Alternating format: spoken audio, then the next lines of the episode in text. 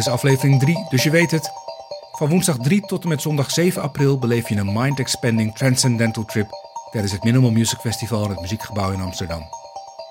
Muzici, componisten, kunstenaars en wetenschappers uit de hele wereld nemen je mee in meditatie en extase in een reeks niet te missen concerten, performances en DJ-sets. Mijn naam is Job de Wit en dit is de laatste van drie podcasts waarin ik een aantal van deze muzici, componisten, DJ's en andere experts aan het woord laat over de verschillende concerten en andere onderdelen van het Minimal Music Festival 2019.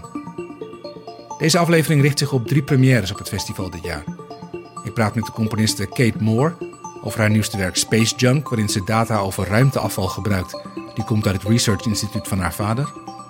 Pianist Ralf van Raad en Joep Fransens zitten samen aan tafel om de etudes te bespreken die Ralf gaat spelen op het Minimal Music Festival en die Joep op zijn verzoek voor het eerst heeft gecomponeerd. En we zijn thuis in Amsterdam bij Tomoko Mukayama, die in het muziekgebouw een performance zal geven samen met Rabi Bayani, ook wel bekend als Morphosis, waarover nog niets vaststaat. Over Skype bespreken ze hun ideeën en laat Tomoko van haar vleugel voor het eerst een opzet horen aan Rabi.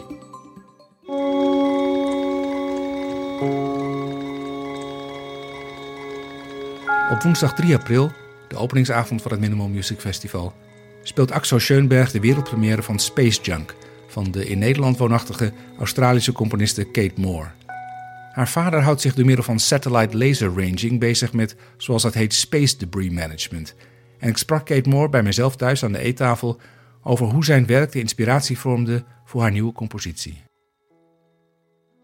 My father, Dr. Christopher Moore, works on an observatory hill in Australia, in the Australian Capital Territory, called Mount Stromlo. Um, and this this hill is a, a, very beautiful place in a kind of a stark um, nature setting, also a historical place with Aboriginal culture.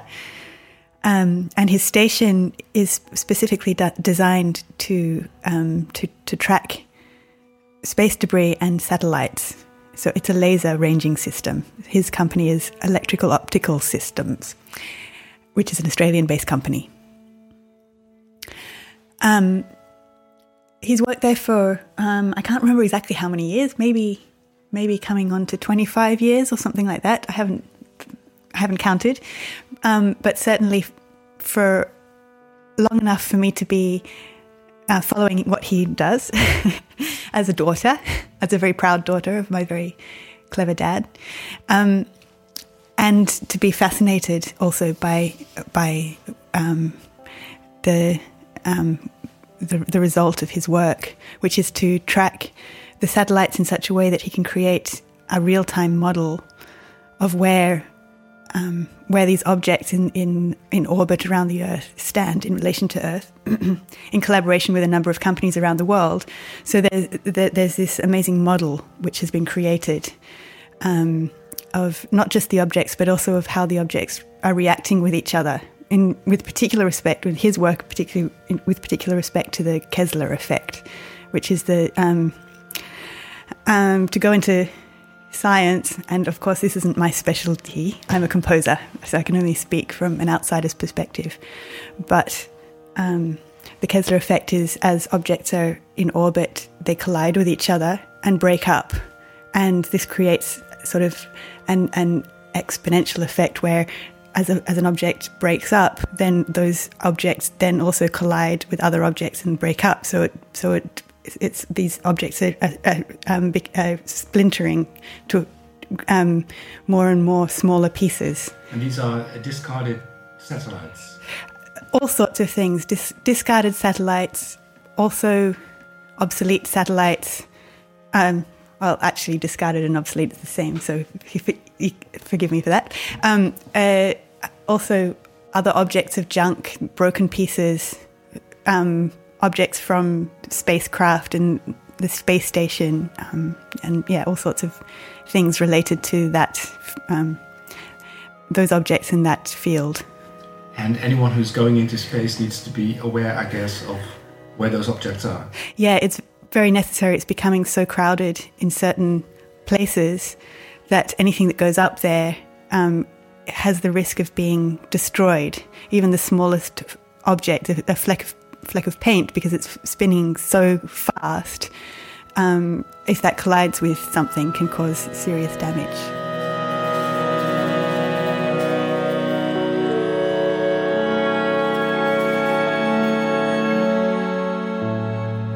Especially of late, uh, a lot of my work is about the environment and about certain certain questions or concerns for the environment. Or, I mean, to say concern is is kind of um, uh, to say the least.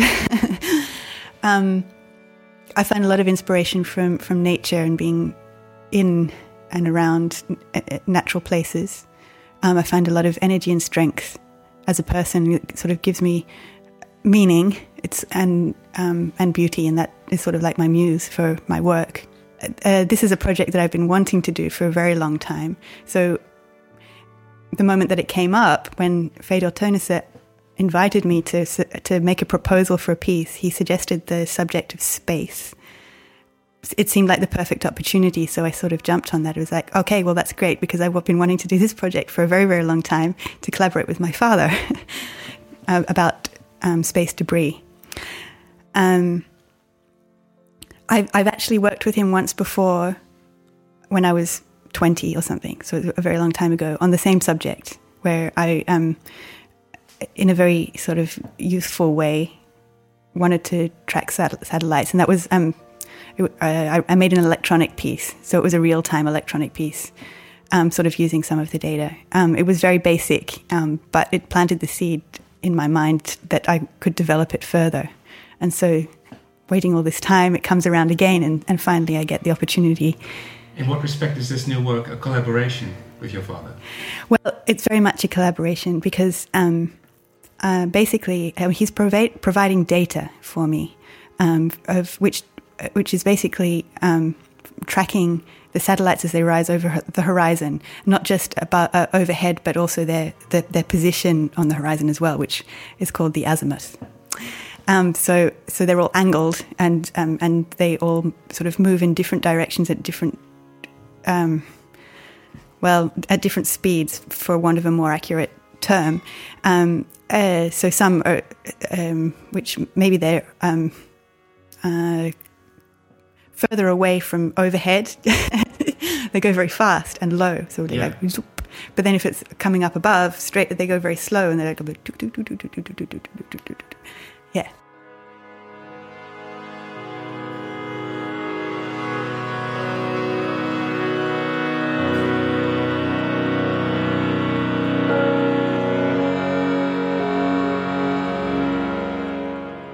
I think there's a very powerful intersection between where art and science can come together in, in, in a way to communicate this thing. Because, I mean, the thing about art is that, that it, has, um, it has roots from the very beginning of time. The, the story passed on from one generation to the next as a way to remember things, to remember our past and our ancestors, to remember how to do things. I, I take a lot from, from my time in the bush in Australia and, and learning even just a little bit about Aboriginal culture and the songlines, that that that through song, through through art, through representation, through poetry, through we we, we can remember uh, how our world works, how everything works together, and how even through the stories that like mythological stories, the mythological stories portray something about an ethical view, or or if if you if you are are inconsiderate in a certain way, then that will have an effect on on you in a devastating way. And it's through these stories that we remember this.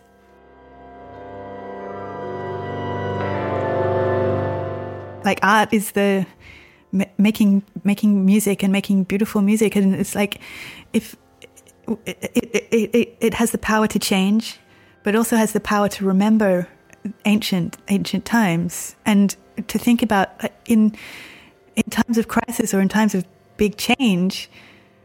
Something that strikes me is that well, we may suffer, but not only will we suffer, not only will the creatures suffer, but also all of those beautiful things that we made, all those over over many, many, many years, thousands, hundreds of thousands of years of all that art, like the music, the music like, what if in the worst case, we wouldn't be able to practice our art anymore.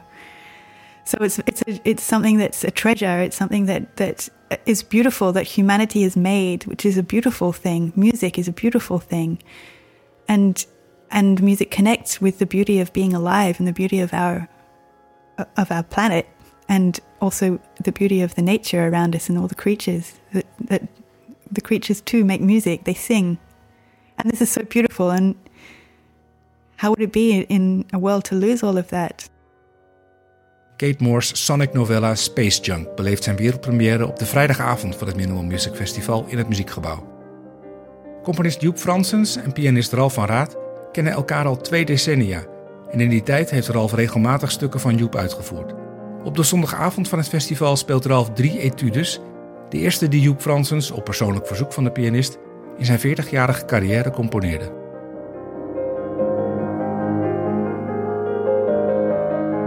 Ralf, de vorige keer dat ik jou sprak voor aflevering 1, had je net die ochtend uh, de partituur doorgekregen. En wat is er sindsdien gebeurd?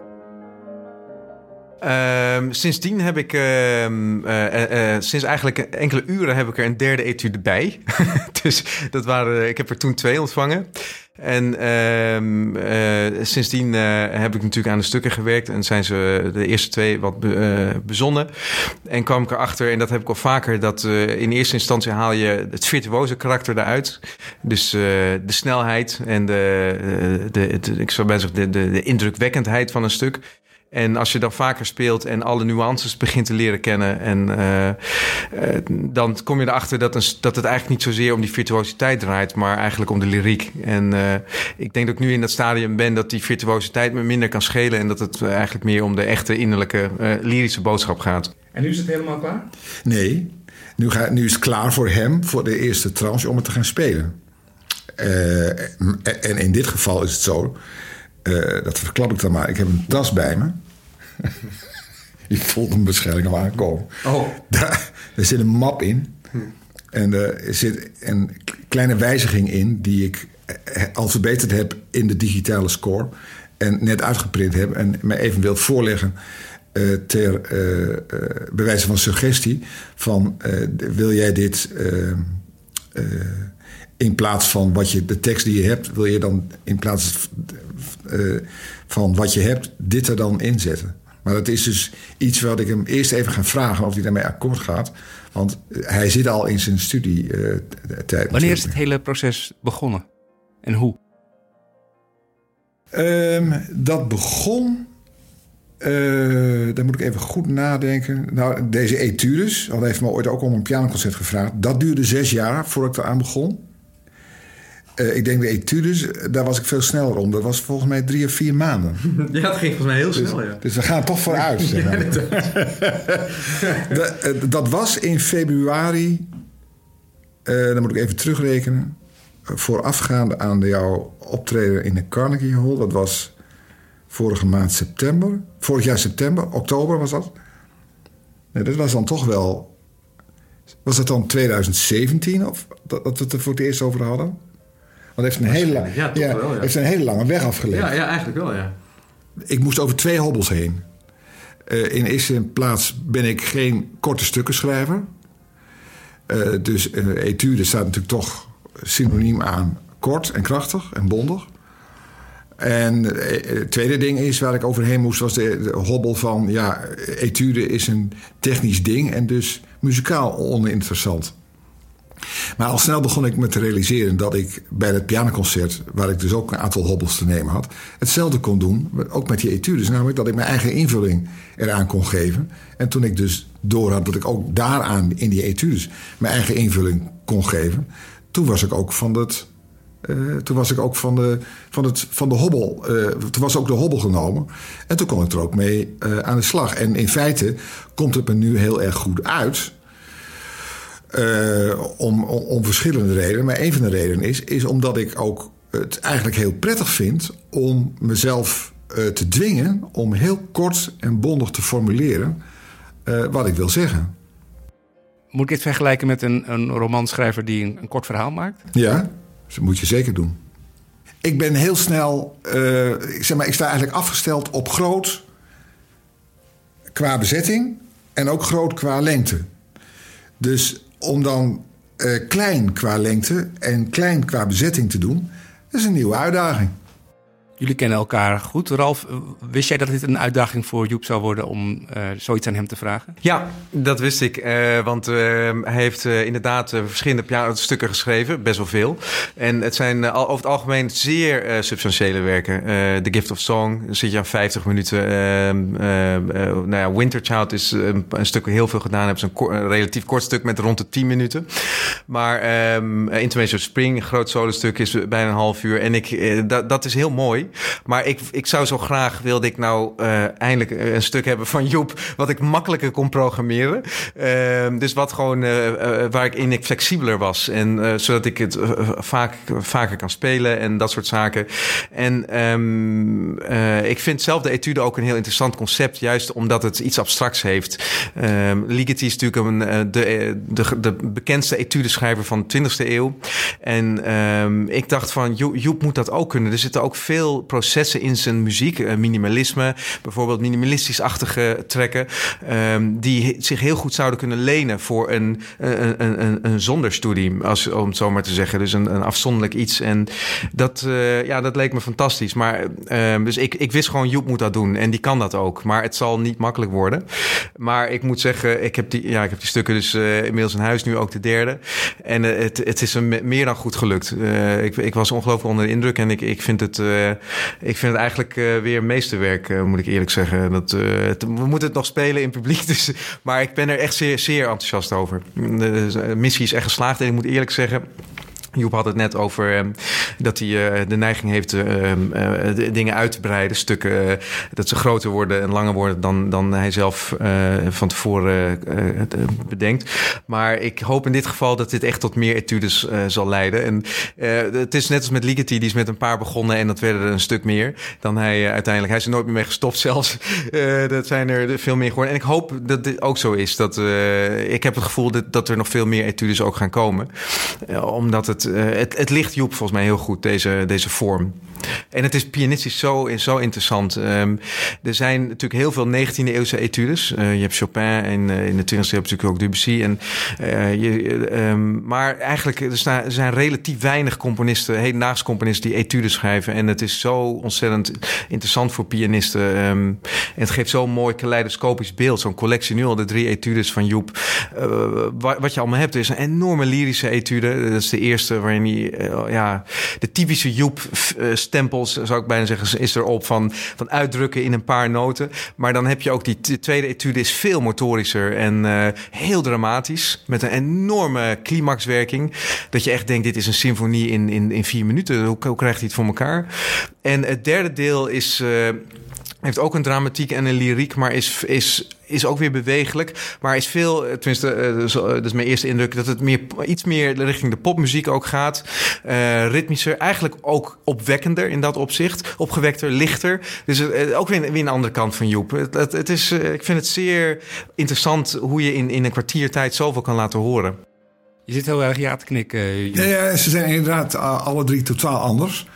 En uh, wat ik trouwens net vergat te zeggen, dat is nog wel een belangrijk aspect uh, van het geheel. Uh, wat ik zelf als componist heel erg belangrijk vind en wat voor mij ook heel erg voedend is om te blijven schrijven. Ehm, en waardoor ook mijn eigen artistieke accu wordt opgeladen, is dat stukken gespeeld worden. En je kunt eigenlijk zeggen dat bij elke vijf minuten die er qua lengte bijkomt, dat je een stuk maakt, gaat er zoveel procent van de speelkans af.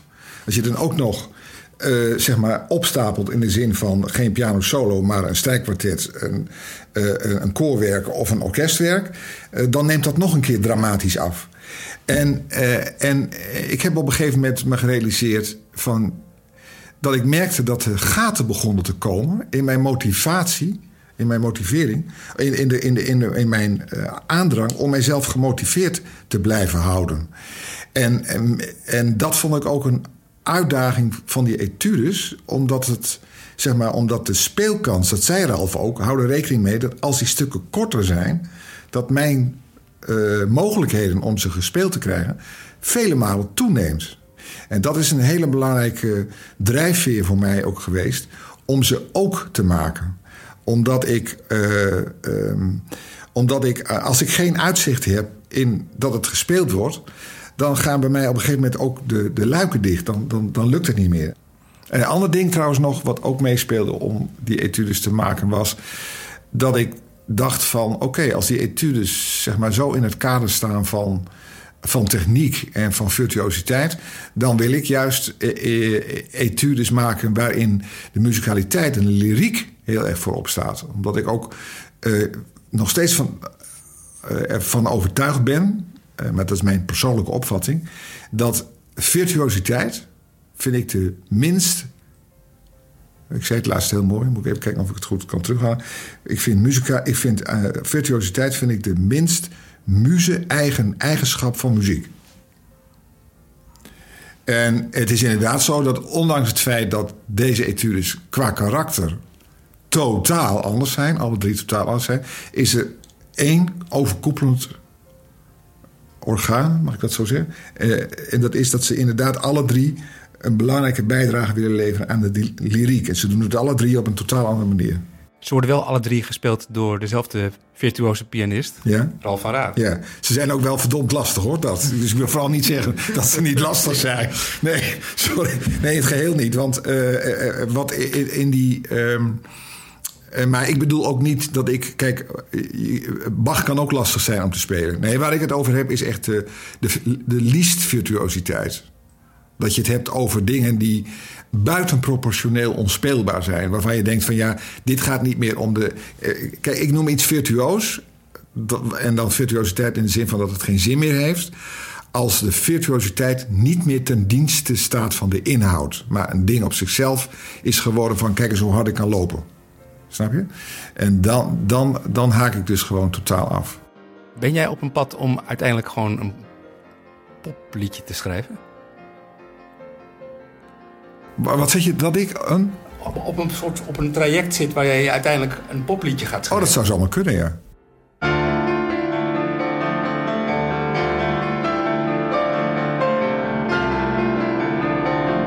Wat ik me ook nog afvroeg, er staat hier even los van. Um, je gaat deze etude schrijven. Je weet dat Ralf ze als eerste gaat spelen. Ja. Heeft dat ook nog een invloed op? Ja, ja zeker. Ja, ja, ik had vorige week een leuk interview met Mark van der Voort voor de VPRO-gids. En uh, toen zei ik van uh, wat ik bij die etudes uh, regelmatig merk, is dat Ralf op de een of andere manier er, erbij zit. Is gek dat ik het zeg, maar dus, terwijl ik het aan het maken ben, dat, het dus, dat ik dus mezelf erop betrap dat ik met hem aan het praten ben wat ik aan het doen ben.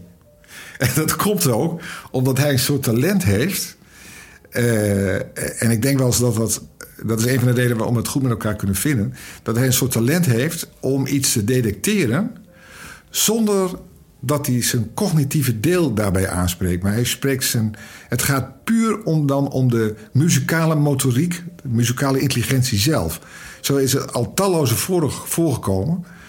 Uh, dat hij iets speelt, bijvoorbeeld, wat er niet staat.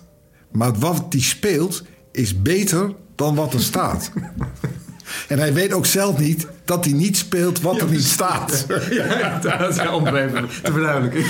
Om het nog even wat duidelijker te maken. En gisteren nog bijvoorbeeld was het nog zoiets. Hij spreekt een app in. En dan zegt hij bijvoorbeeld... Ja, ik vind eigenlijk dat in... Ik heb de partituur niet voor mijn neus, dus ik hoor alleen maar die maten. Maar ik weet dan niet waar het is. Dus hij zegt bijvoorbeeld... In maat 47, ja, ik vind eigenlijk dat je die... Eh, zeg maar dat die, eh, dat die stem eh, links, dat hij er eigenlijk uit moet komen. Is het dan niet beter dat ik toch een dynamisch verschil tussen die beide stemmen maak? En ik zoek die maat eens op. En ik denk, oh verrek, ik heb er vergeten bij te schrijven dat de linkerhand main voice is. de belangrijkste stem. Dus hij, hij, hij, hoort, hij hoort dus iets wat er dus moet staan, wat ik alleen vergeten ben om het bij te schrijven. Nou, dat... Snap je, dat zijn hele leuke dingen om. Uh, uh, nou ja, en, en wat fijn is om met hem samen te werken, is dat mijn muziek vaak het moet hebben van de, van de grote boog. En van, nou ook van de lange duur dus. Uh, en daarvoor is het heel fijn als je een speler hebt die eh, die zeg maar, in zijn motoriek heel bedrijfszeker is. En ook op de, op de lange afstandssprint, laat ik het zo maar zeggen. eh, weet dat, je, dat hij het meteen neerzet. Hij ver- verraste mij meteen al eh, als het 20-jarig of 21-jarig broekie... toen hij mij voor het eerst eh, Winterchild voorspeelde... in het conservatorium, het oude conservatorium nog. Toen eh nodigde hij mij uit en wij gingen dat gebouw eh, binnen... en ging achter de piano zitten... Eh, en, en, en, eh, ik denk, verrek. Dus ik zei tegen hem van, waar zijn je noten? Hij zegt, ze spelen uit mijn hoofd. Ik dacht, nou, dat kan niet. Maar het speelt het inderdaad vlekkeloos uit zijn hoofd. Dus dat, geeft, eh, dat geeft, is voor een componist heel fijn om eh, te merken... Dat, dat, een, eh, dat een grote lijn, dat die gewoon... eh, ja, dat dat gewoon ook wordt neergezet. Dat het geen eh struggle voor iemand is. Het was voor mij wel een struggle eh, om het te maken. Maar het is uiteindelijk niet de bedoeling dat je die struggle terug hoort in het resultaat. En dat is bij voor een uitvoerend muzikus is het ook zo. Ik neem aan, Ralf, dat jij op 7 april deze etudes niet uit je hoofd gaat spelen. Eh, ik weet het nog niet. Eh, eh, wellicht wel. Ik, ik, ik kan het op dit moment nog niet zeggen. Ik, ik zou het wel fijn vinden. Ehm, inderdaad, ik- je weet het van tevoren niet helemaal of, of het lukt vanwege de tijd. En, maar het, het speelt wel veel fijner. Ehm, van dat lezen is toch altijd iets wat... is een extra taak die je moet doen. die je weerhoudt van het directe contact met je muziek. Ja, het is een, fysieke handeling die, die de muziek in de weg staat. Dus als je het kan internaliseren en het echt in je hoofd hebt... en, en alleen maar naar jezelf kan luisteren... dan, dan, eh, dan word je veel sneller één met de muziek... dan dat er nog een medium tussen zit, wat die bladmuziek is. Dus ik hoop wel dat het lukt.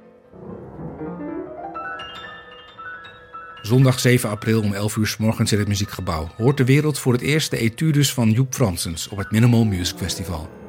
Ralf van Raad speelt tijdens dit solo recital ook werk van Vladimir Martinov, waarover hij in aflevering 1 van deze podcast vertelde, en Hans Olte.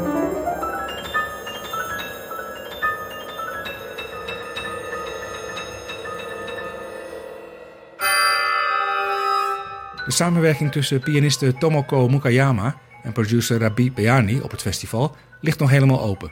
Dat wil zeggen, lag nog helemaal open tot Tomoko ging skypen met Rabi in Berlijn en ze hem, met de laptop op haar vleugel, voor het eerst liet horen wat ze alvast had bedacht voor de uitvoering. Speciaal voor de podcast was ik erbij met de microfoon.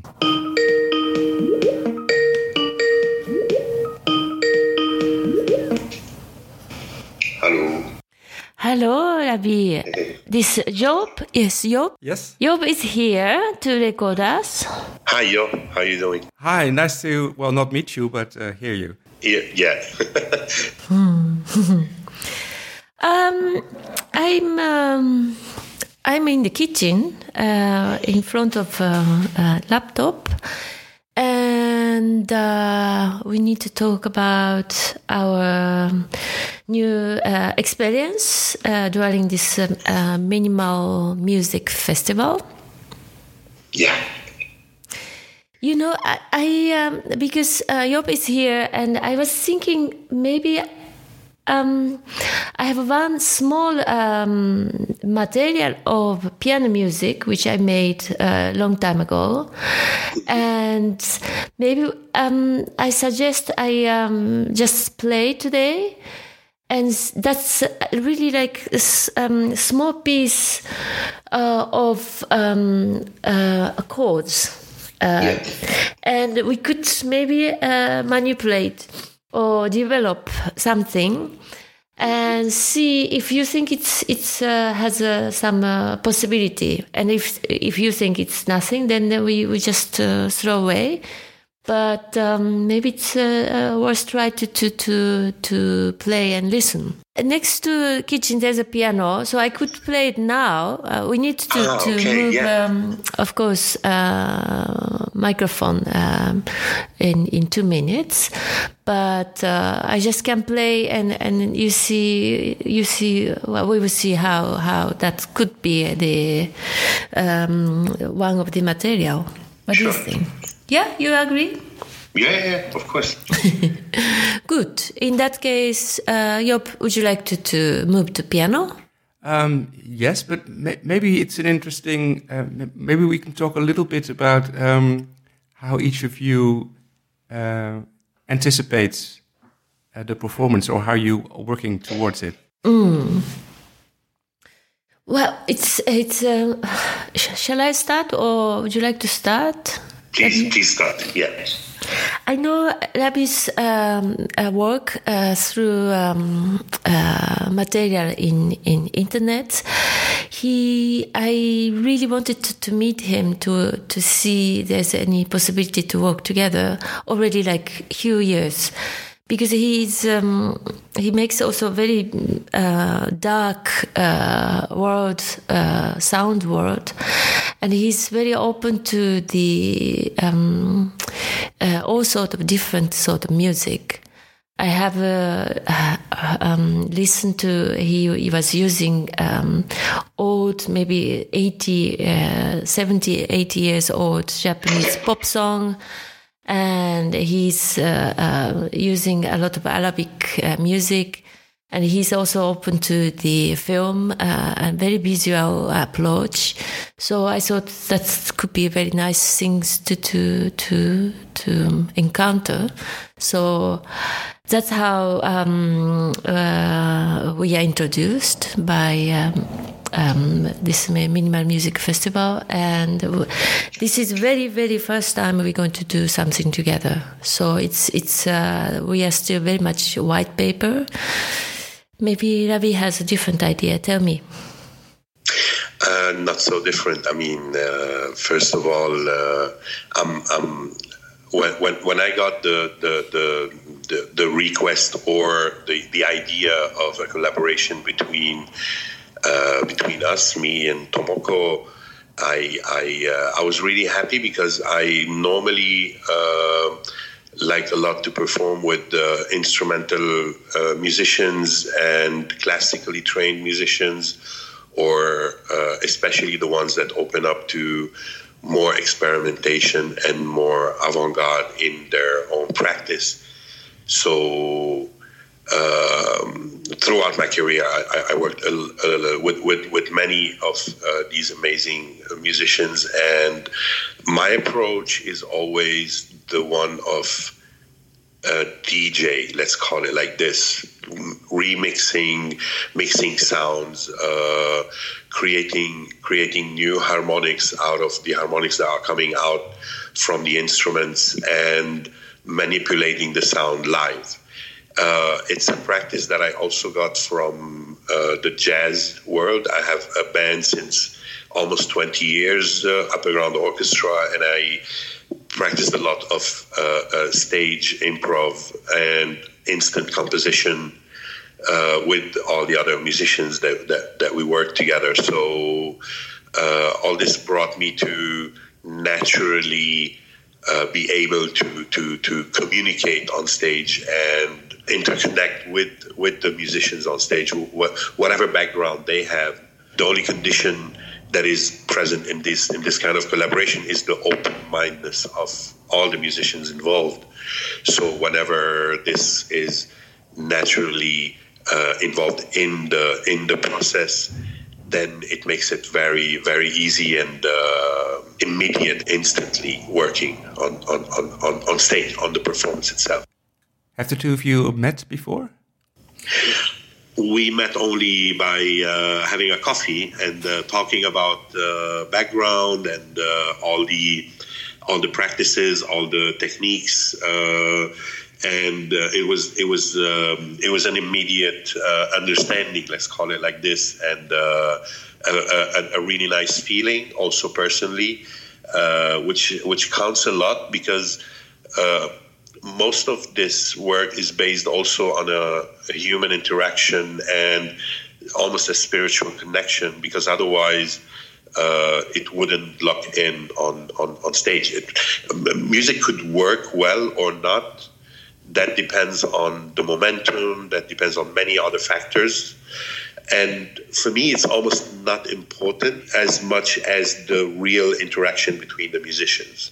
It is a dialogue, it is almost like a conversation, and it has to be well, well, well thought and well written and interconnected. That's, that's how I see it. And you, Tomoko? Yes, it's uh, no. We met indeed once because he came to um, uh, to the, uh, this time. That time was DJ in North Garage, You know this place, club in north of Amsterdam? Garage North, yeah. Garage Noord, yeah, that's the name. That's true.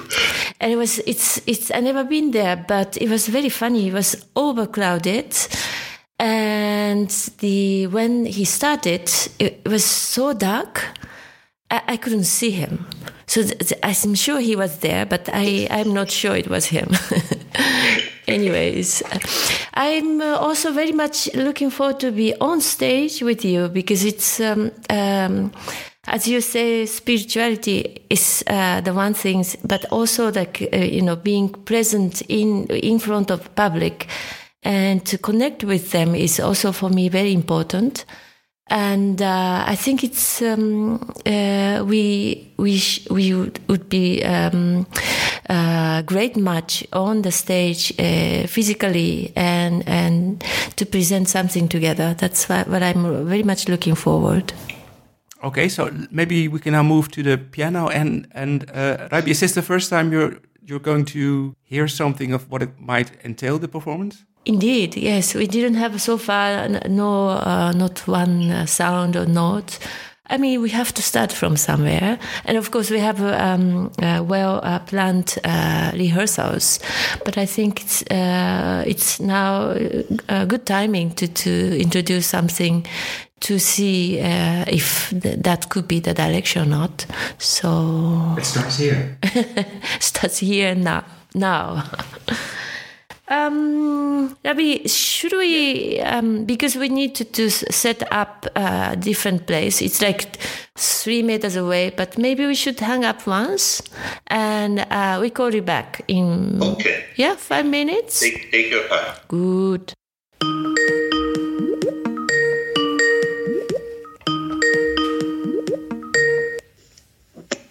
Hello. Hi.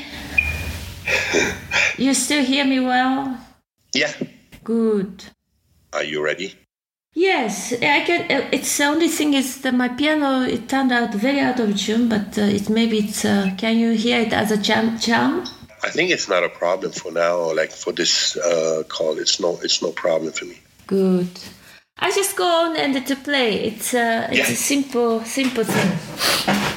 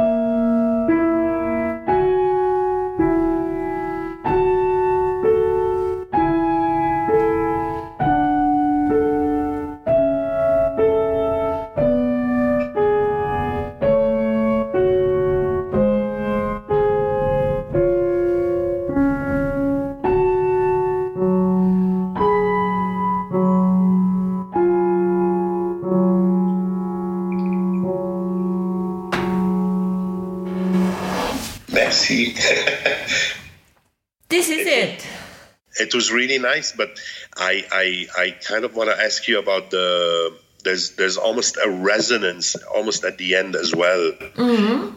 It comes from, from like it's natural in the piano, or you think from the computer, microphone. It could be a. It, uh, it's uh, the microphone. I think it's. Um, Yeah. I, I it, you you can play it very um, uh, dry also. Yeah. And uh, the what I do is this material. I ha- what I have been doing is because it, this can be like uh, you can make like tremolo, like um,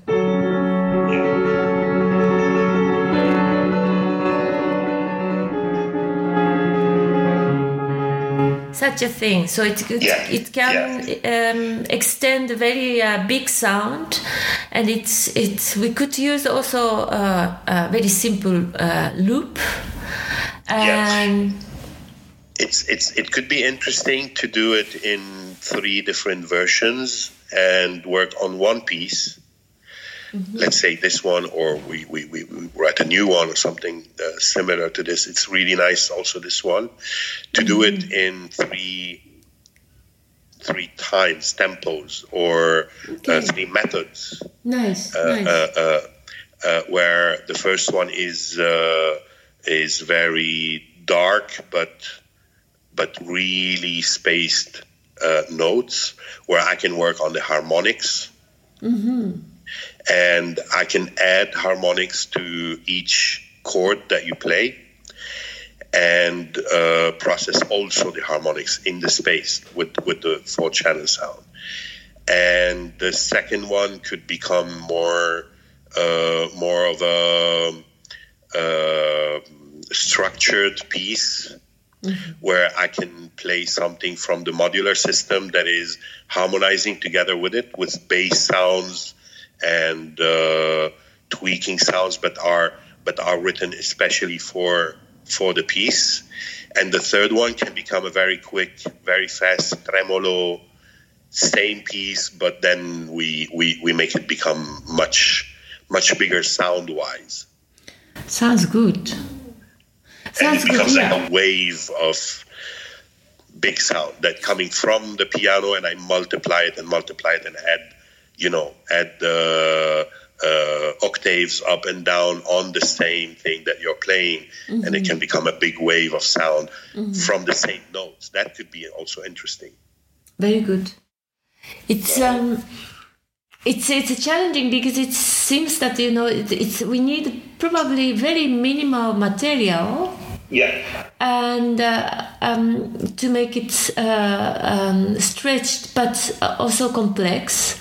So the the I think the how I could uh, develop on the key uh, on in the in, on the instrument could be also um, challenging because I would like to to also um, uh, develop uh, the material on the piano as well.